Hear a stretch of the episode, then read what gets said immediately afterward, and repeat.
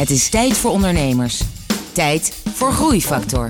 Het programma dat ondernemers beweegt, motiveert en inspireert. Hier is Kees de Jong, groeiondernemer en verbonden aan NL Groeit. Hoe je als 40-jarige bankdirecteur fietsenmaker wordt. Hoe het voelt als je niet meer kan pinnen.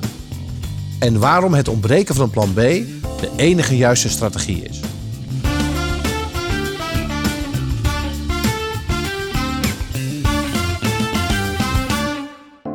Hallo en welkom bij een nieuwe aflevering van Groeifactor.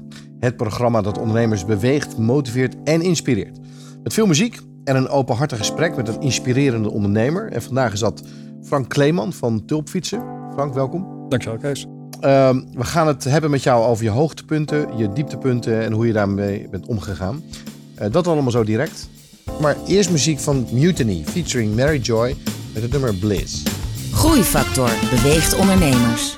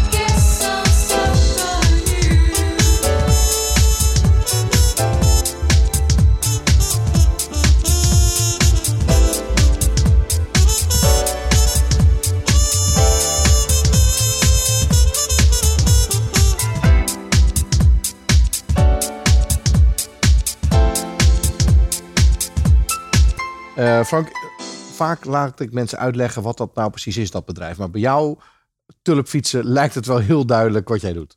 Ja, waarschijnlijk wel. Hè? Het, begrip fiets hoef ik in ieder geval niet, eh, niet uit te leggen. Ehm, maar we zijn toch wel een beetje een vreemde eend in de beet, eh, als ik dat zo mag zeggen, in het fietsenland. Want ehm, we zijn dus een fabriek, om het zo maar te zeggen. We produceren fietsen, we assembleren fietsen. Dat doen we in onze eigen fabriek in Maastricht. En die verkopen we direct zonder tussenkomst van eh, tussenhandel of iets dergelijks aan de consument of aan bedrijven. Dat is eigenlijk wat we doen. Oké, en dus je bent een van de weinige eh, full online eh, Nederlandse fietsmerken. Of zijn er meer die dat doen? Nou ja, er zijn natuurlijk wel bedrijven die, die fietsen verkopen via internet. En er zijn natuurlijk fabrikanten, maar er is eigenlijk geen één die en produceert en rechtstreeks verkoopt. Ja, dus eigenlijk de hele keten is Ja. in jouw bedrijf. Ja. Ehm, je, je, je verkoopt duizenden fietsen per jaar. Ja. Eh, en dat groeit. Dat groeit, zeker. Eh, dan gaan we straks eh, over die groeifactor gaan we wat dieper in. Ja. Maar eerst wil ik iets meer weten van jouw achtergrond. Want Ja. jij bent al de tweede bankman die ik hier op, op de bank heb. ja, van, van de hoeveel? Nou, ik, we hebben toch 30, 40 interviews Ah, ja. gedaan inmiddels. Dus jij hebt een bankachtergrond. Ja. Dus een bankier die toch is overgestapt naar zoiets leuks als een online fietsen site. Ja. Daar zit een verhaal achter. Ja, daar zit zeker een verhaal achter. Ik heb, ehm, eh, want ik heb lang inderdaad bij de Rabo in dit geval eh, eh, gewerkt. Eigenlijk direct na mijn afstuderen. Ik heb economie gestudeerd en toen liep ik mijn afstudeerstage bij de Rabo en ik ben daar eigenlijk blijven hangen. Daar komt het op neer. Ehm, nou ja, vrij klassiek trajectmanagement, trainee en lokale kantoren en buitenland, noem maar op. En op een gegeven moment, en dat is inmiddels zeven jaar geleden, ja, toen was het eigenlijk wel mooi geweest. Toen was ik eh, net de 40 gepasseerd en ik dacht, blijf ik dit doen? En het antwoord wa- daarop was nee. En eigenlijk, eh, eh, de eerlijkheid gebied me te zeggen dat de Rabo dat ook wel vond. Dus toen hebben we afscheid van elkaar genomen. En ik ben voor mezelf begonnen. Ja. Dat is eigenlijk in een nutshell het verhaal. Ja, maar jij deed wel serieuze dingen bij de Rabo. Want jij was general manager van Bisner Bank. Ja. Dat was een van de, een van de merken die Rabo destijds had. Je was Ja. general manager. Eh, Vertel eens even iets wat je daar deed, zodat we een beetje een beeld hebben. Ja, die, inderdaad, die laatste twee dingen, dat waren uh, puur internetbanken. Dus inderdaad Bisner en daarvoor rabobank.be, zoals dat nog steeds heet. Uh, dat is een internetbank in België. Dat was ook de eerste internetbank in, in België. Gericht op consumenten. En sparen, beleggen en betalingsverkeer. En die, um, nou, die heb ik ook opgezet, samen met het hele team natuurlijk. Daar was ik ook directeur van. Toen werd ik gevraagd om Bisner op te zetten. Dat was de eerste internetbank voor het MKB. Uh, eigenlijk wereldwijd, want dat bestond niet. Uh, die heb ik opgezet met een nog veel groter team. En, nou, en toen was het op een gegeven moment mooi geweest. En toen ben ik voor mezelf begonnen. Ja. En ja. je was dus al een soort van internet ja, geen goeroe, maar hè, je had veel kennis van het internet. Ja, ik was dus zeker. Het was een logische stap voor jou om iets te doen met het internet. Ja, dat, was, dat vond ik wel een belangrijk ding om, dat, om die kennis mee te nemen en die ervaring mee te nemen. Ik was zeker geen goeroe, want ik, dat waren mensen om mij heen, veel meer dan ik. Maar goed, ik heb er natuurlijk wel wat van meegekregen en het leek mij ontzettend leuk om iets compleet anders te gaan doen, een andere sector. Maar dan wel met gebruikmaking van de kennis en ervaring die ik ja. heb opgedaan op het gebied van, van internet en, ja. en distributie. Maar het worden van ondernemer, zeker op die leeftijd, met alle respect, dat, dat is nogal een stap. Hè? Want je hebt je huis en je hypotheek en ja. dit. En, en, en, dan, en dan opeens spring je een soort van in de diepe. Ja, dat ga ik niet ontkennen. ja, nee. Ik zie ook je ogen nu een beetje groter worden. Ja, oh ja, dat nou weet ja, weet je wat is? Als, als ik alles achteraf had geweten, dan, had ik me, dan vraag ik me af of ik het had gedurfd. Zo moet ik het eigenlijk zeggen. Ik bedoel, ik heb totaal geen spijt, in tegendeel. Maar het is maar goed dat je niet alles weet van tevoren. Nee. want, want kom jij uit een ondernemersnest? Ja, tenminste, ja, eigenlijk wel. Mijn, mijn, grappig genoeg, mijn vader die heeft eigenlijk exact dezelfde stap gemaakt. Uh, die was ook, ik, ik zou moeten vragen hoe oud hij exact was, maar volgens mij ook ergens rond de 40. Hij was een loondienst bij een bedrijf en hij is inderdaad ook rond die leeftijd voor zichzelf begonnen. Ja. ja. En dat is goed uitgepakt? En dat is goed uitgepakt, ja. Oké, okay, dus dat ja. was misschien wel impliciet een soort van rolmodel. Ja, misschien niet bewust, maar ja, weet je, het is denk ik, misschien is het ook wel een leeftijdding hoor. Ik, ik was die 40 gepasseerd. Ik dacht, ja, zit ik hier over 60 of nou, niet over ja. 60 jaar, maar zit ik over 20 jaar nog in een hok te vergaderen. Ja. Ik had gewoon geen zin. Het was een motor, een nieuwe vriendin of eventueel ondernemer worden. Ja, ja toevallig was het beide, maar. Oh, ik weet niet welke, welke van de twee. Goed. Maar dat is weer een ander verhaal. Ja, Oké, maar dus dat, dat, dat internet, dat snap ik. Want daar Ja. had je dus veel ervaring mee en dat vond je Mhm. leuk je kende de juiste mensen. Mhm. Alleen nu, nu nog die fietsen. ja. Of, of was die fietsen zeg maar poging nummer vier?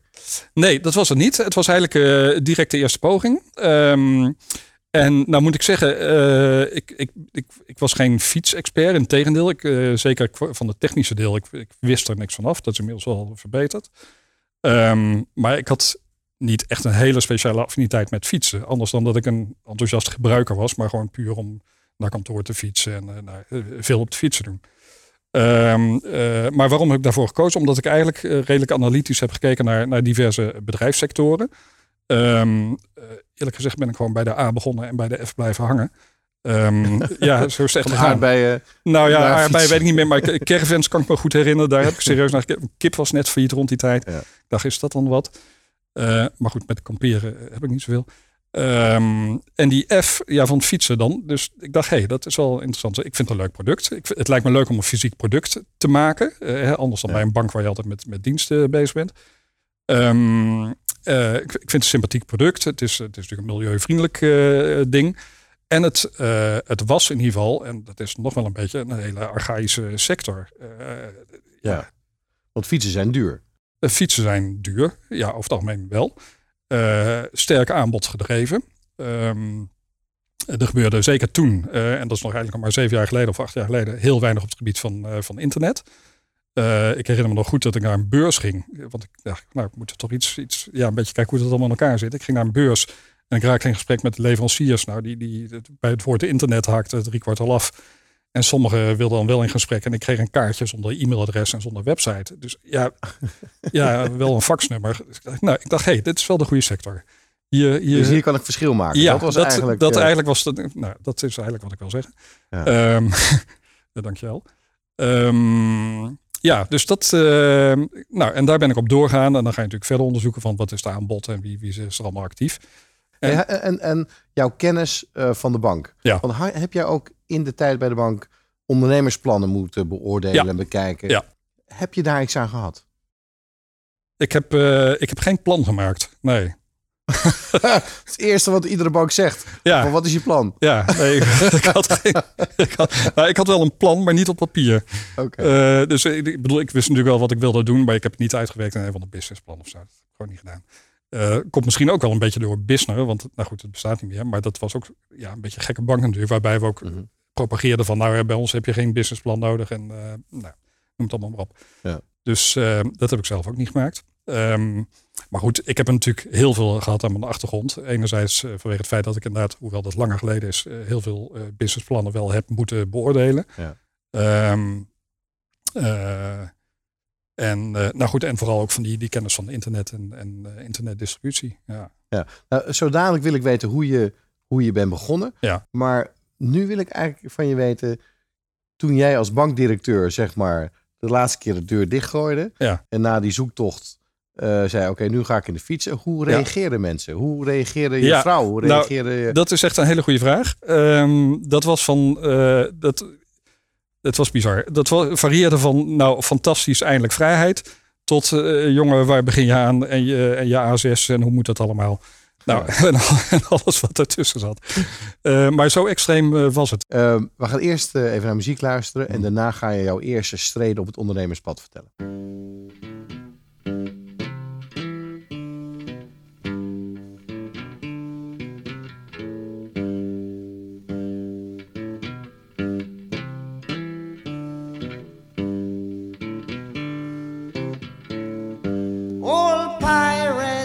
Pirates, yes, they sold I to the merchant ships. Minutes after they took I from the bottomless pit, but my hand was made strong by the hand of the Almighty. We forward in this generation triumphantly. Won't you help to sing these songs of freedom? Cause all I ever have redemption songs, redemption songs. Emancipate yourselves from mental slavery. None but ourselves can free our minds. Have no fear for atomic energy, cause none of them can stop the time. How long shall they kill our prophets while we stand aside and look? Ooh, some say it's just a part of it. We've got to fulfill the book. Won't you help to sing these songs of freedom? Cause all I ever have redemption songs, redemption songs, redemption songs.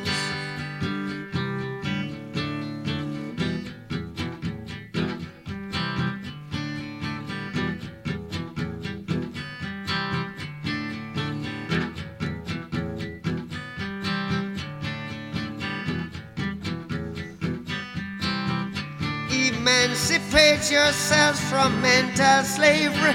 None but ourselves can free our mind.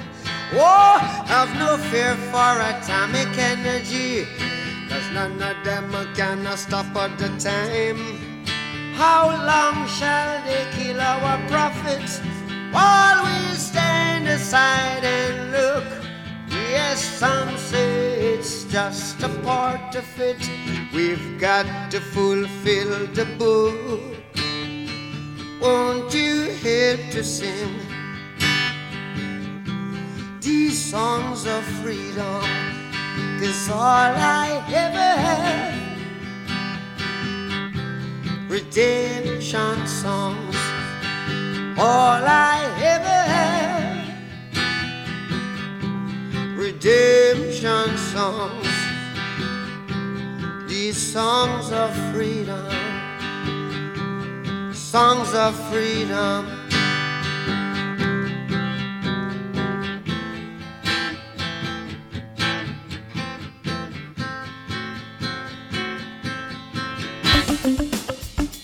Luister hoe mede-ondernemers in beweging blijven en ontdek nieuwe wegen met Groeifactor.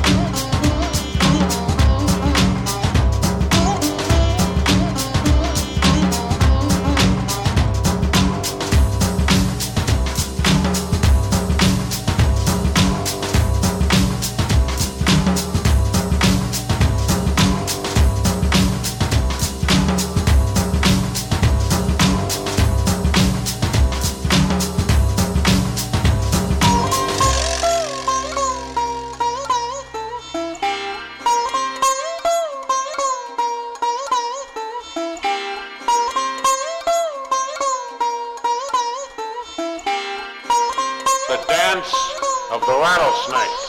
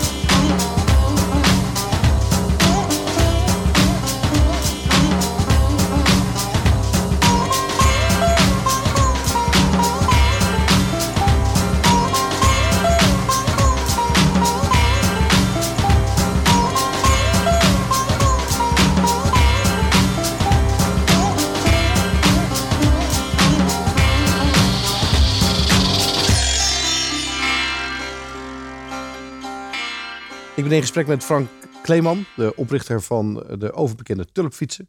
Oh, Is het nog niet bekend, dan zal het wel bekend worden waarschijnlijk. Zeker, zeker. Eh, Frank, jij had je baan eh, gedag gezegd. Eh, je A6.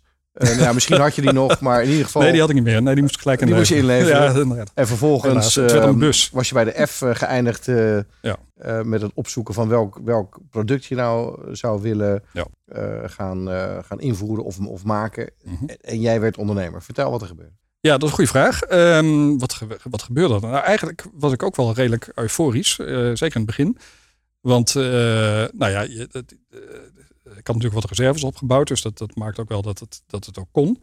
En, ehm, eh, nou ja, goed, en je hebt dus inderdaad ineens vrijheid. Ehm, dus het was echt heerlijk om A, niet om half negen of hoe later ook op een kantoor te zijn. Dat was natuurlijk al, dus dit is een beetje van die basale dingen, maar dat, dat, dat, ja, dat is me wel bijgebleven van die tijd. Eh, en tegelijkertijd, dat zijn ook allemaal van die, van die platgetreden paarden. Maar je moet natuurlijk alles zelf doen, tot en met de potloden en de, en de noem het allemaal maar op. Eh, maar dat is eigenlijk heerlijk. Ja, dat is, ik vond het fantastisch. Ik, ben, ik heb eh, redelijk veel discipline, dus ik hoef mezelf ook niet te dwingen om aan het werk te gaan. Dus ik heb echt keihard gewerkt en nog steeds. Ehm, maar dat ervaar ik niet als last, toen niet en, en nu niet.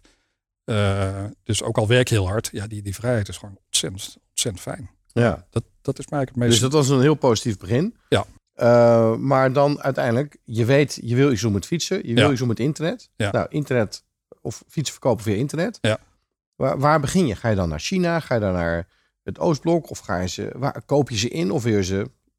Wat Ja. is er gebeurd? Ehm, nou, ik, ik- want ik, ik kwam natuurlijk niet uit die fietsenwereld. Ik wist er eigenlijk ook heel weinig van. Dus dat was volledig blanco. Dat is een voordeel en een nadeel. Eh, het, het, het, voordeel is dat je het echt helemaal vorm kunt geven naar, naar jouw ideeën. Zonder dat je gehinderd wordt door al te veel eh, kennis. Ehm, nou, en, en het nadeel, maar goed, dat kun je oplossen, is dat je dus gewoon mensen moet zoeken die er wel eh, verstand van hebben. En je op dat gebied goed kunnen adviseren. Ik, ik had echt totaal geen idee, dus ik ben een zoektocht begonnen. Het belangrijkste was eigenlijk van, nou ja, waar ga ik die productie of die assemblage dan starten? Nou, dat was echt bellen en, en, en nog een keer bellen. En, nou ja, gewoon lukraak met, eh, nou, niet met de gouden gids, maar gewoon zoekend op, eh, op internet van nou, wie zit er eigenlijk in die fietshandel, groothandels, bellen. En, nou. en na een lange zoektocht kwam ik uiteindelijk terecht bij een eh, sociale werkplaats in Maastricht. En die assembleerde fietsen. Dat deed ze al jaren. Die hadden daar een speciale afdeling voor. En die jongens zaten daar fietsen te monteren. En die eh, eigenlijk als eerste stonden open voor het idee. Eh, dus nou, ik eh, naar Maastricht. Ik raak in gesprek daar met, eh, met iemand.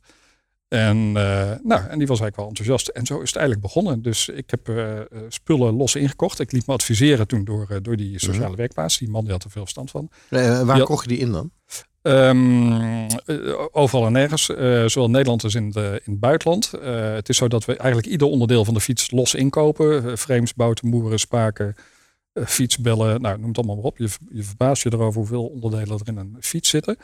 Ehm, eh, nou, deels zijn dat Nederlandse leveranciers en deels in het buitenland. Eh, eh, veel Europees, dus ik koop eigenlijk niks in in, in het Verre Oosten. Ehm, Nou ja, goed. En dat, dat, dat ligt dan op, op, de, op voorraad in het magazijn. Op het moment dat er een order binnenkomt. En dat is gelukkig heel regelmatig. Het is niet zo dat we zitten te wachten. Maar die productie loopt continu door. Ja, het is niet zo Eh, maar je- we maken niet op voorraad, dat bedoel ik Nee. eigenlijk te zeggen. Ja. Dus alles wordt op maat gemaakt. En mensen Ja. kunnen via jouw website zelf hun fiets eh, bij elkaar Ja, we doen eigenlijk twee dingen. Dus enerzijds eh, de consumentenmarkt, die bedienen we met name via de website. En daar kan een, nou, iemand die de website bezoekt, die kan zelf zijn fiets samenstellen. Dus hij kiest een frame, hij kiest een kleur, wel of geen versnellingen, noem het allemaal op. We hebben iets meer dan 1 miljoen varianten. Ehm, dat lijkt heel veel, dat is het ook wel, maar daar kom je al snel aan, want het is, ja, je, hebt- je hebt vier frames maal twee maten, maal, dus, nou, Ja. et cetera, dus kom je Ja. op een miljoen. Maar goed, het is ondertussen is het toch, toch wel heel wat. Ehm, en eh, voor bedrijven maken we fietsen in de huisstijl van het eh, bedrijf. Dus er komt een logo op. Eh, we maken eventueel de fiets in de kleuren van het bedrijf. En dat kan één fiets zijn en dan kunnen er ook een paar honderd zijn. En alles wat er tussenin zit. Oké, leuk. Hey, Ja. En hoe kwam je op Tulp? Ehm, dat was nou eigenlijk een paar dingen. Ehm, eh, ik had toen al het idee van, nou, we moeten op termijn ook naar, eh, naar het buitenland. En dan is Tulp is natuurlijk, eh, ja, dat is Nederland en eh, Tulp en fietsen. Nou, dus Ja. het, het is makkelijk te onthouden. Ehm, eh, het ligt makkelijk in het gehoor. Iedereen onthoudt dat. En nou ja, dat waren eigenlijk de belangrijkste redenen om dat, dat Maar, maar iets anders wat je nu zegt is wel belangrijk. We gaan natuurlijk naar het buitenland. Ja. Dus, dus in het begin van het ontwerp van jouw bedrijf zit al in Ja. dat jij straks... Hoe groot is het buitenland? Is dat, is dat Het is- België of is dat 200 landen wereldwijd? Nou, in, inmiddels is pakweg 50% van de omzet al buitenland. En dat eh, is met name West-Europa. Eh, Engeland is een belangrijke markt inmiddels. België inderdaad, vrij klein. Eh, Frankrijk doen we veel. Duitsland een beetje. En verder hapsnap eh, wat, wat andere landen. Van, van acht fietsen geloof ik op Spitsbergen. tot een paar in, eh, in eh, Saudi-Arabië ergens. Dus dat, maar als dat model dan zo werkt, dan, Ja. dan kan je verhonderdvoudigen. Ja. Hoe zie je dat voor je de komende tijd? Eh, nou, niet dat ik echt een, een, een uitgekristalliseerd pad heb, maar het, het, het is inderdaad schaalbaar. En die groei die zie ik zowel nog in Nederland. want bedoel, we hebben daar een marktaandeel, maar dat is natuurlijk, het is significant, maar nog hartstikke klein. Dus daar, daar, kunnen we echt nog heel veel doen. Ehm, maar zeker ook in het buitenland. Eh, kijk, in, in verschillende landen zie je dat, dat fietsen sterk in de opkomst is. Eh, zeker in West-Europese landen. Eh, Frankrijk begint te komen, Engeland ook, ook zeker. En, en daar zijn heel veel mogelijkheden. Dus daar mik ik ook wel op dat we daar goed, goed aan de weg timmeren. Ehm, nou, de- we doen dat op verschillende manieren. We mikken daar eh, onder andere op de consumentenmarkt. Dus we hebben ook een Franse website die zich richt op eh, consumenten. Eh, we verkopen veel al via Amazon. Dat loopt eigenlijk wonderbaarlijk goed, vind ik, in het buitenland. En B2B zijn wij net mee begonnen. Ja. En, en, en als je dat blijft doen, dan, dan die groei in die hockeystick, die heb je dan wel te pakken. Ja, dat denk ik wel. Kijk, het wordt een beetje testen van wat werkt wel, wat werkt niet. Eh, dat, dat, ja, dat zit hem in. Nou goed, en dat stuur je dan weer bij. eh, om Heb, je een soort droombeeld waar het uiteindelijk... eh, Nee. nee. Nee. Geen, geen droombeeld dat je straks ergens... Te nee, nou ja, tenminste niet. nee, nee. iemand tegenkomt op jouw fiets of in San Francisco. ja, of in, nee, nou, dat is, dat is een goeie. Eh, nee, kijk, maar, nou ja, als, als ik al een droombeeld heb, dan is het echt wel dat we. Kijk, ik heb niet de illusie dat we in Nederland eh, nummer één worden in de consumentenmarkt. Want er is heel veel concurrentie. En, en wil je daar ook een bekende merknaam zijn in, tussen de consumenten horen. Ja, dan moet je ook marketingbudget hebben die, die ik niet heb. Dus dat, eh, dat gaat niet worden. Eh, nou goed, zeg nooit nooit, maar je, weet het niet. Ehm, B2B is heel wat anders. Ehm, want we zijn er echt uniek in. Ik denk dat er weinig bedrijven zijn die, die kunnen wat wij doen. In termen van snelheid, prijs-kwaliteitsverhouding en, en customization. En dat geldt denk ik in het buitenland ook. Dus als ik al een droom heb, dan is dat met name dat we echt op het gebied van B2B. eh, ik denk dat we in Nederland het eerlijk gezegd al zijn. Maar er zijn geen cijfers van. Maar dat we daar ook gewoon nummer één zijn. Ja. Nou ben je dat misschien al snel, want in het buitenland is natuurlijk helemaal niks. Dus, dus dat is een beetje een ingewikkelde droom. Maar, ehm, maar in ieder geval wel echt een grote speler. Ja, dat wil ik daar wel, wel zijn. Oké. En dat we dan inderdaad in het buitenland gewoon eh, mijn fietsen zien. Nou, dat is niet slecht voor een, eh voor een mankeman, eh Frank. Ehm, ik wil straks eh, met je praten over hoe jij van die eh, duizenden straks naar de honderdduizenden gaat. Ja. Maar luister eerst even muziek.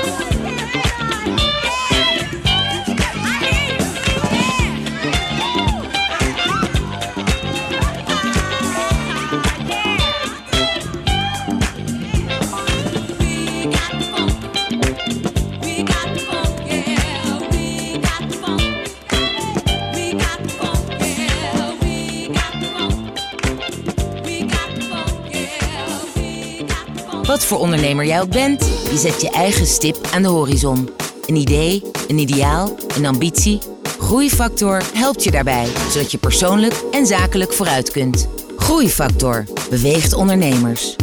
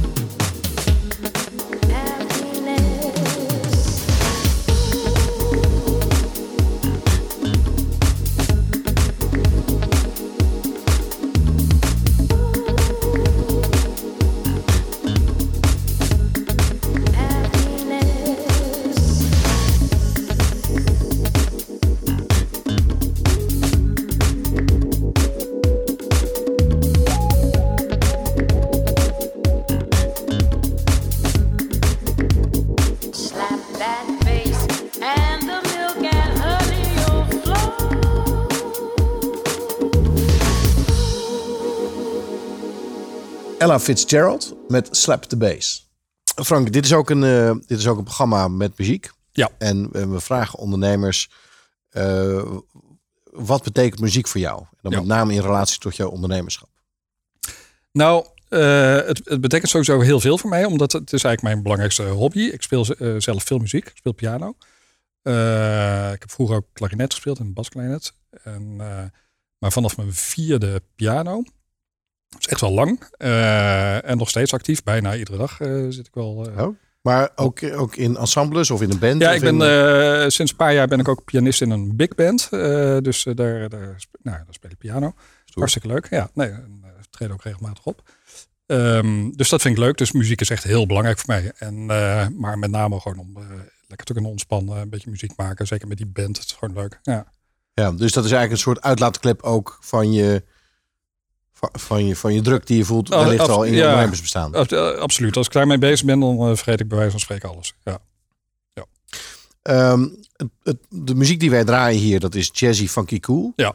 Ehm, heb jij een eh, nummer die, waar je regelmatig naar luistert dat binnen dat genre past? Ja, dat, dat heb ik wel. Ik, ik, uh, ik, zit zelf te denken aan uh, Staying Alive. Dat ken ik natuurlijk nog vanuit de jaren zeventig van Grease. Nee, zeg ik dat nou goed? Was dat Grease? Ja, toch? Eh, ja, de eh, Bee eh, nee, dat is niet Grease. Dat was wat anders. Ja, nou goed, whatever. Ehm, maar daar is een, een soort van cover van door Electro Deluxe. Dat is een, een Franse, hele leuke Franse band. En nou, dat is gewoon hele lekkere muziek om naar te luisteren. Dus daar luister ik af en toe naar. Gaan we naar luisteren. Ja.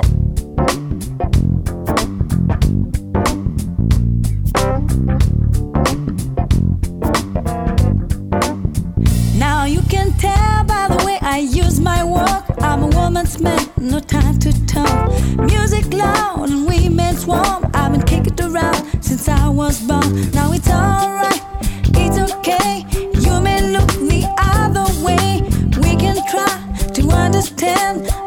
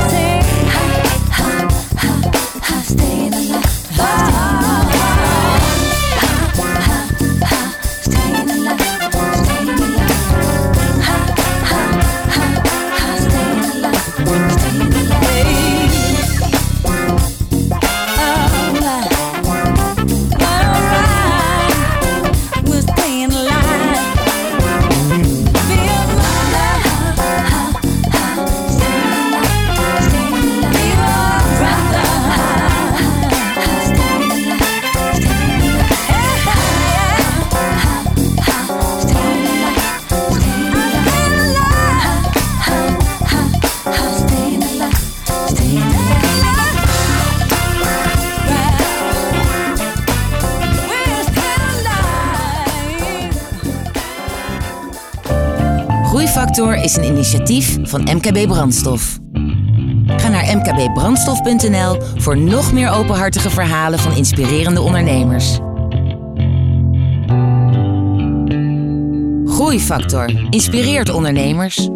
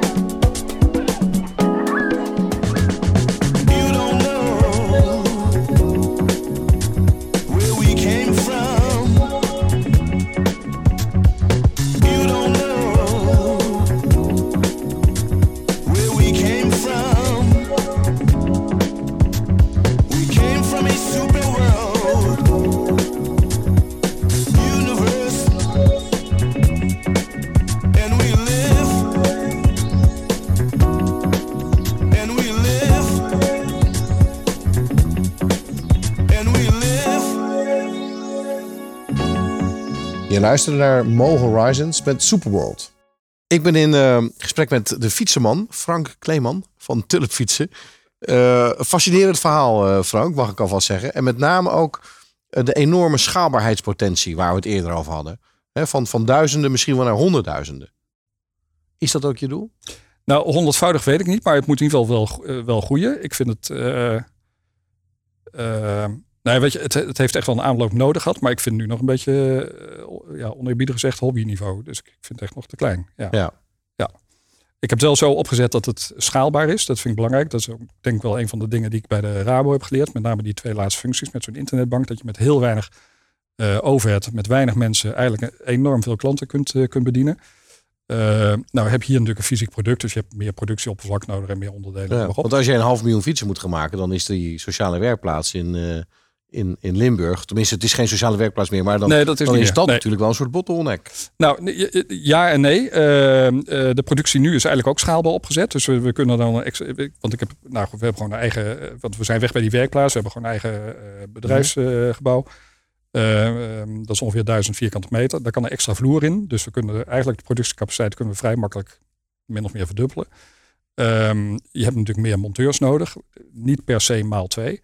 Ja, en verder valt het wel mee qua overhead. Eh, ik bedoel, eh, eh, als, de, als de omzet met twee, drie keer stijgt, dan gaan, die, gaan de overheadkosten die gaan niet met, met een factor twee of drie mee omhoog. Nee. En je kan steeds goedkoper inkopen natuurlijk dan. Ja, je hebt, dat soort voordelen heb je inderdaad. Je kunt goedkoper inkopen, je kunt efficiënter produceren.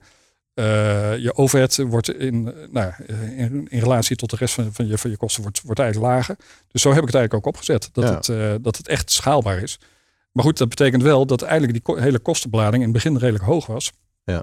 Eh, en dat, dat vergt wel wat aanloopjaren. En dat heeft ook Heb je geld moeten lenen daarvoor? Nee, ik heb geen, tenminste niet bij een bank of dergelijke. Nee. Oké. Nee. En niet bij een bankje klinkt een beetje alsof het eh, bij een geheimzinnige maffiafamilie Nee, eh, nee, gelukt. geheimzinnige maffiafamilie niet. Nou goed, ik heb en ik heb heel veel eigen middelen in zitten. Eigenlijk Ja. alles, zeg maar.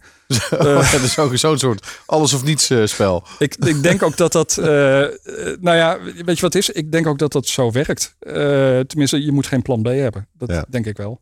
Ja, je moet er echt vol voor gaan. En niet denken van, nou, ik heb altijd nog wel een escape. Dan ga ik wel dit of dat. Nee, dood of de gladiolen. Wat stoer. Ja, nou, of dom. Heb je wel eens in de eh, afgelopen jaren gedacht van... Niet oei, dom, naïef. Ja, naïef. Dat, Ja. dat klopt. Dat zei je in het begin ook. Als ik, als ik nu zou beginnen met de kennis die ik heb over alles wat je in het begin meemaakt, dan, Mhm. dan weet ik niet of ik het had gedaan. Ja. Wat zijn dan dingen die je hebt meegemaakt waarvan je dacht van, ja, dat had ik nou niet eh, verwacht of geanticipeerd. Nou, of ik- dat ik- was het- zwaarder. Het heeft zo- sowieso veel langer geduurd de aanloop dan ik had eh, verwacht. Eh, nou, dat is natuurlijk ook een beetje dat je denkt van nou, dat had je als bankman ook wel kunnen weten na al die 600 businessplannen die je hebt gezien, want dat is natuurlijk altijd zo. Eh, maar goed, dat heeft echt wel vijf jaar geduurd in plaats van drie. Ja. Nou, dat moet je wel uitzien te zitten. Dan is het ook nog eens een keer zo dat eh, het, het groeide hard, dus dat is fijn. Ehm, maar wat veel harder ging dan ik had verwacht was dat hele B2B-stuk. Nou, dat is hartstikke mooi. Dat betekent dat je grote klanten krijgt. Want we, we hebben ook echt grote klanten. Maar hoe groter de klant, hoe langer de betalingstermijnen. Je moet meer inkopen. Dus dat, dat loopt op een gegeven moment vast. Nou, dan je jaarcijfers zien natuurlijk gewoon slecht uit.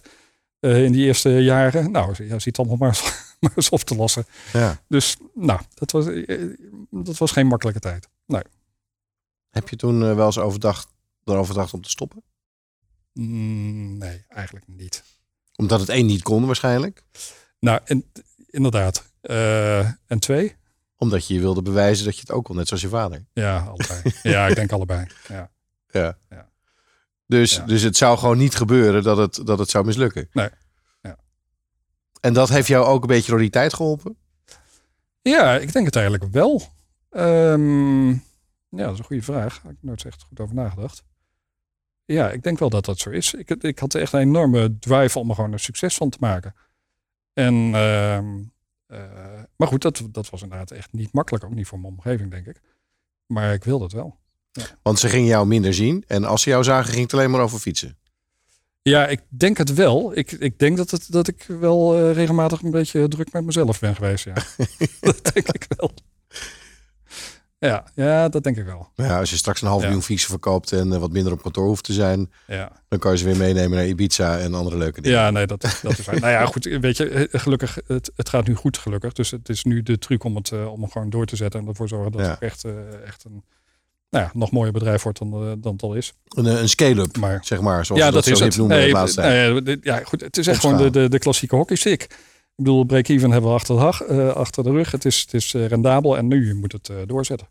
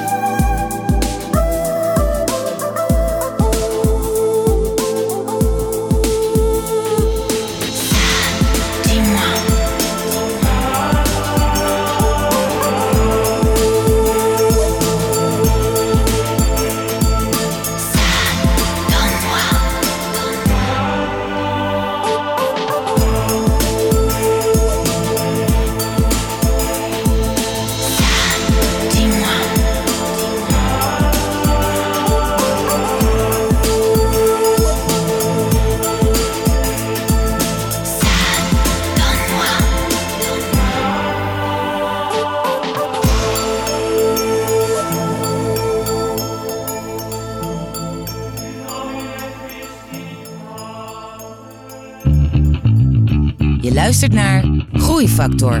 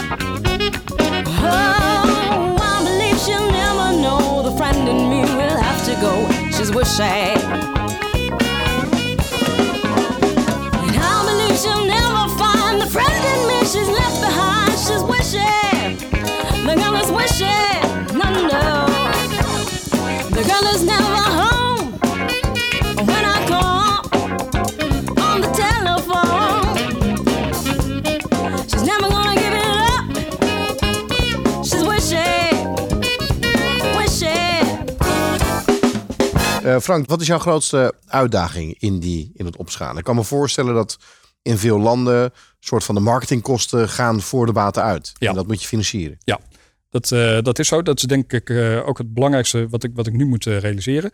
Ehm, eh, en dat, dat is dus inderdaad sales. Ik bedoel, de, productie staat, de organisatie staat, is prima. Kunnen we ook, kunnen we ook opschalen.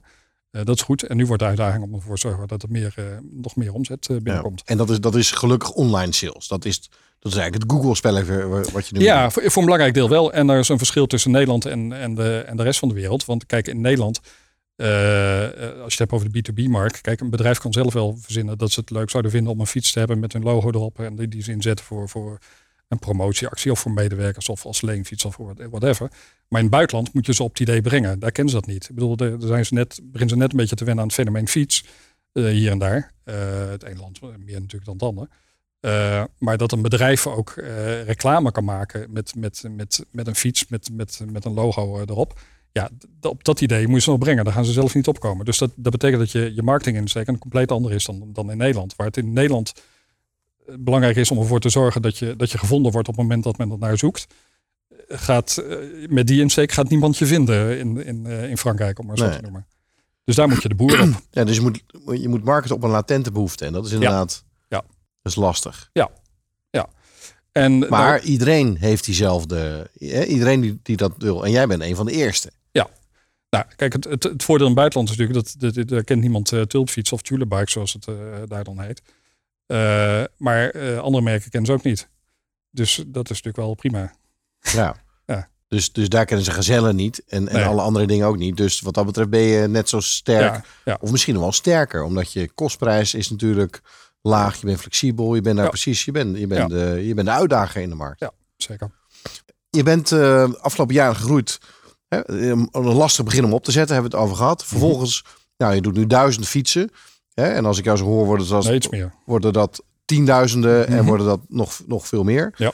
Ehm, wa- wat, wat is in jouw geval die belangrijkste groei, gro- groeifactor geweest? Je noemde net al eh, de bedrijfsfietsen in Nederland. Hè, Ja. dat dat een, hè, want in plaats van één fiets verkoop je makkelijker 10 of 20 fietsen, Ja. kan ik me voorstellen. Ja, zeker.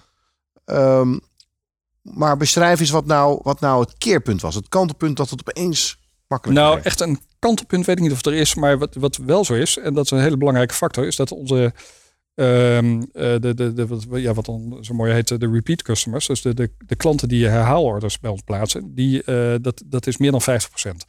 En dan heb ik het Oh, over de, de bedrijven. Nou, dus naarmate je eh, eh, langer bestaat en je levert een goed product, ja, dan wordt dat deel van je omzet, dat, dat groeit, nou ja, autonoom wil ik niet zeggen, maar je moet ervoor zorgen dat je, dat je goed blijft presteren en dat je je afspraken nakomt. Maar dat, dat groeit dus min of meer vanzelf. Eh, dus, nou, en dat aangevuld met nieuwe klanten, dan wordt natuurlijk ook steeds, steeds bekender. En we zorgen natuurlijk ook voor dat we, dat we bekend zijn op, op de een of andere manier. Eh, dus er was niet echt, denk ik, een kantelpunt.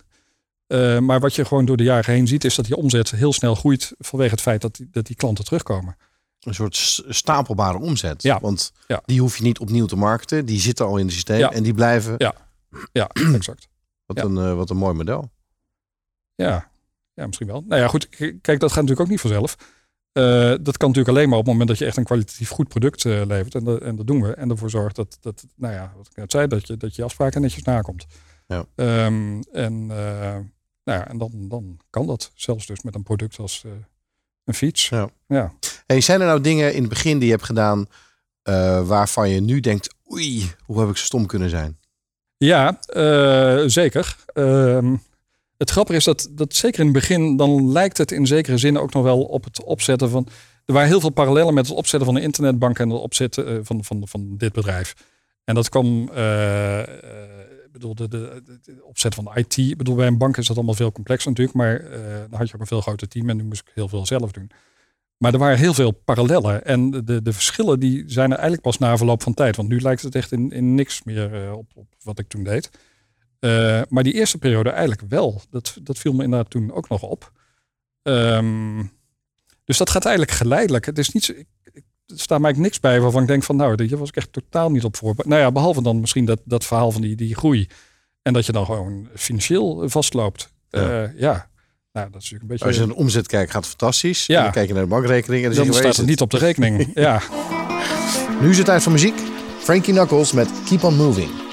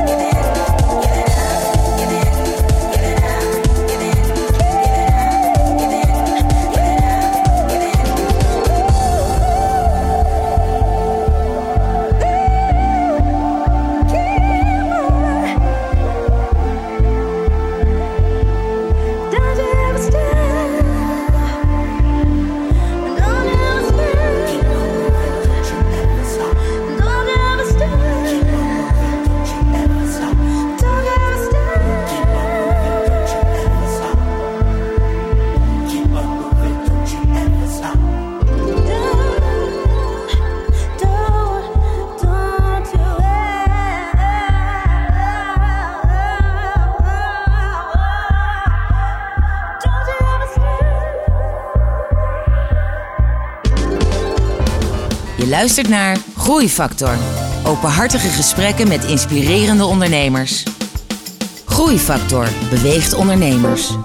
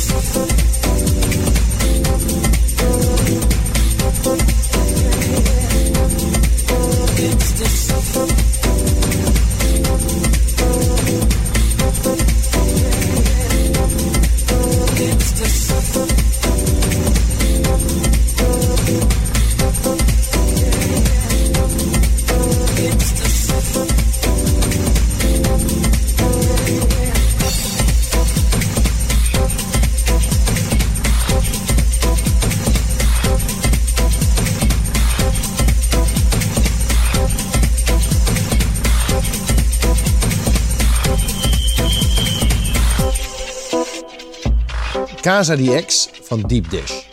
Ik ben in gesprek met Frank Kleeman van Tulpfietsen. Ehm, Frank, je hebt uitgelegd eh, hoe jouw organisatie ook de komende tijd eh, gaat groeien.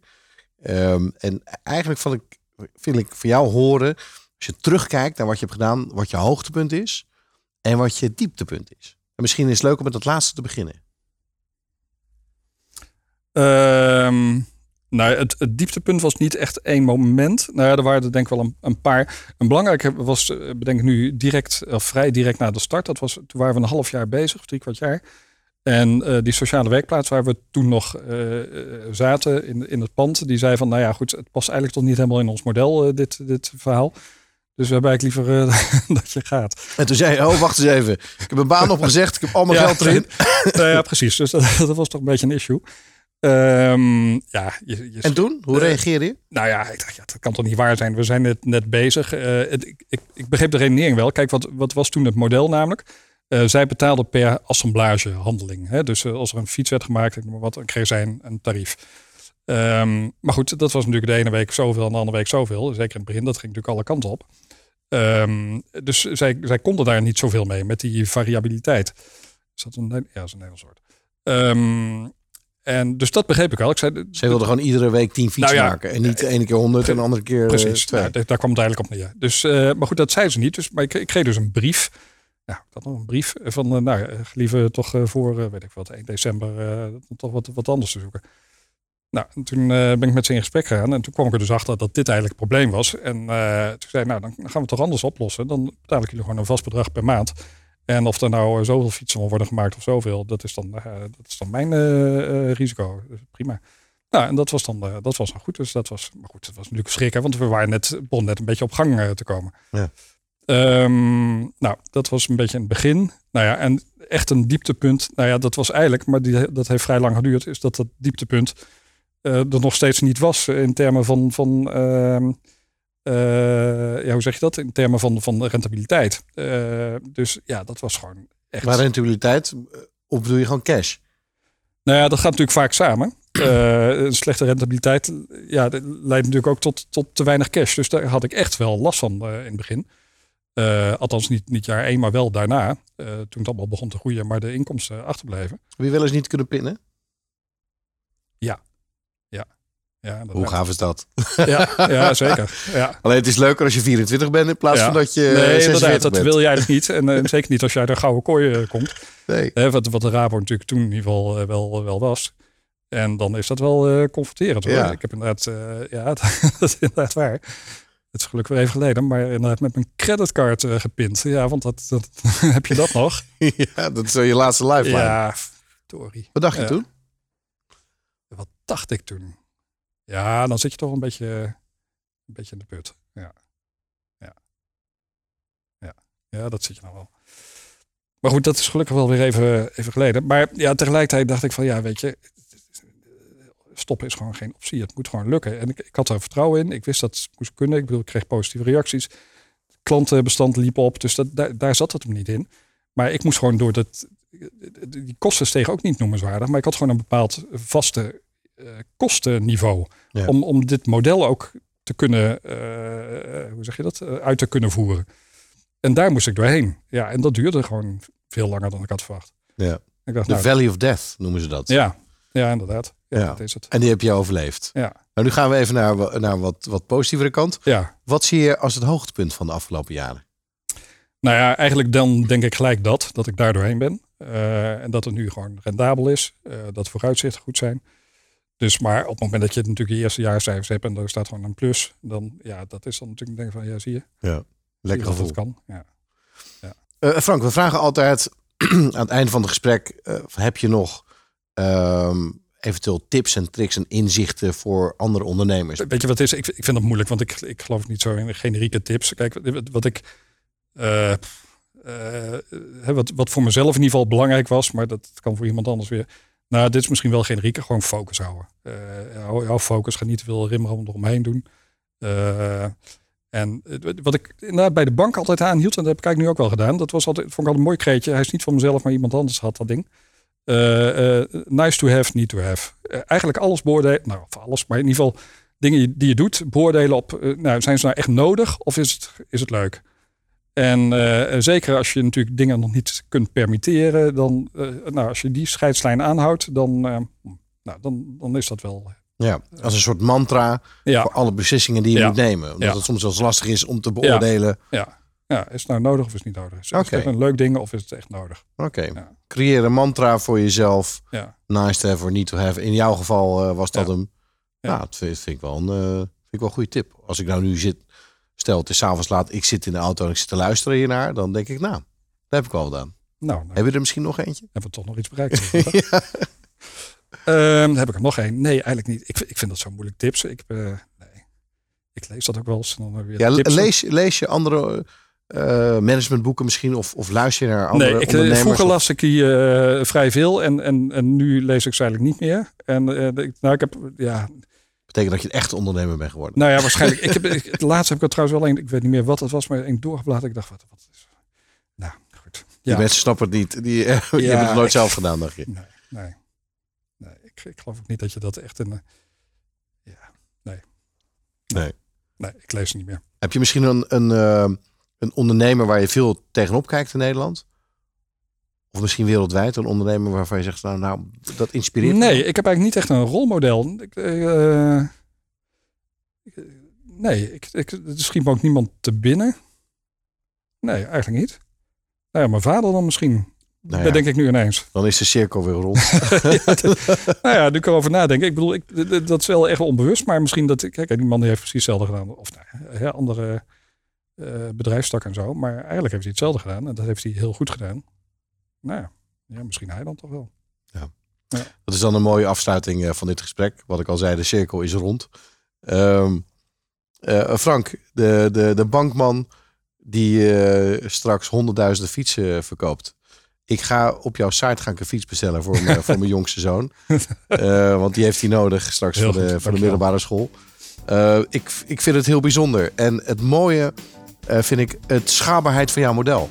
Daar word ik bijna gretig van. Omdat het zo, zo heerlijk is. En heel veel dingen waarvan ik dacht dat is moeilijk te schalen. Inderdaad, zo'n zo'n productiefaciliteit. Mhm. Als ik jou hoor, ja, dan, dan inderdaad, de wereld is zo groot. En iedereen rijdt op fiets. Ja. Ik vind het briljant. Nou, Ik wil je enorm bedanken voor dit eh, interview, Frank. dankjewel Kees. En voor de luisteraars, dit was Groeifactor. En graag tot de volgende keer. Ga naar mkbbrandstof.nl voor nog meer inspirerende verhalen van mede-ondernemers. Groeifactor beweegt ondernemers.